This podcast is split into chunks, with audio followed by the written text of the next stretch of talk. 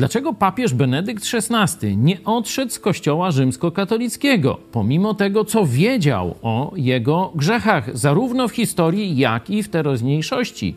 I co więcej, pomimo tego, co wiedział o Chrystusie i Biblii, o Ewangelii, o darmowym zbawieniu, o nawróceniu przez osobiste spotkanie z Jezusem Chrystusem, a nie przez sakramenty czy pośrednictwo Kościoła. On o tym wszystkim wiedział, on o tym wszystkim pisał.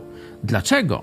Pozostał w Kościele Rzymskim. Takie pytanie ja sobie zadaję i myślę wielu chrześcijan na całym świecie. Kontynuując te rozważania sprzed już kilku dni, chciałbym spróbować zmierzyć się z tym pytaniem. I otóż myślę, że są dwa powody. Pierwszy to ludzka perspektywa na Kościół.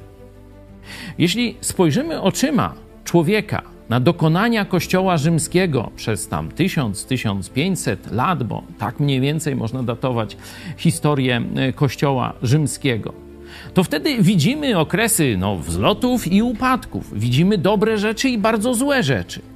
I trudno, można powiedzieć, wyważyć, co jest tym odpowiednim balansem. Ja, żeby tę perspektywę właściwie zobaczyć, odchodzę od swojej własnej i przyjmuję perspektywę Boga.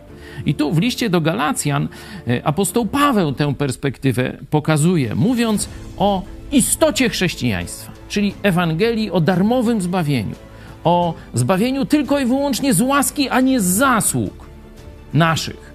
Zasługi Chrystusa na krzyżu niwelują nasz grzech i możemy przyjąć zbawienie jako prezent. I apostoł Paweł mówi, ale choćby nawet my, albo anioł z nieba zwiastował wam Ewangelię odmienną od tej, którą myśmy was zwiastowali, niech będzie przeklęty. To jest Boża perspektywa. Jeśli zaczniemy bawić się w gierki i myśleć, co dobrego, co złego zrobił Kościół, pogubimy się. Jeśli spojrzymy przez pryzmat Ewangelii Jezusa Chrystusa, będziemy wiedzieć, jaka jest odpowiedź.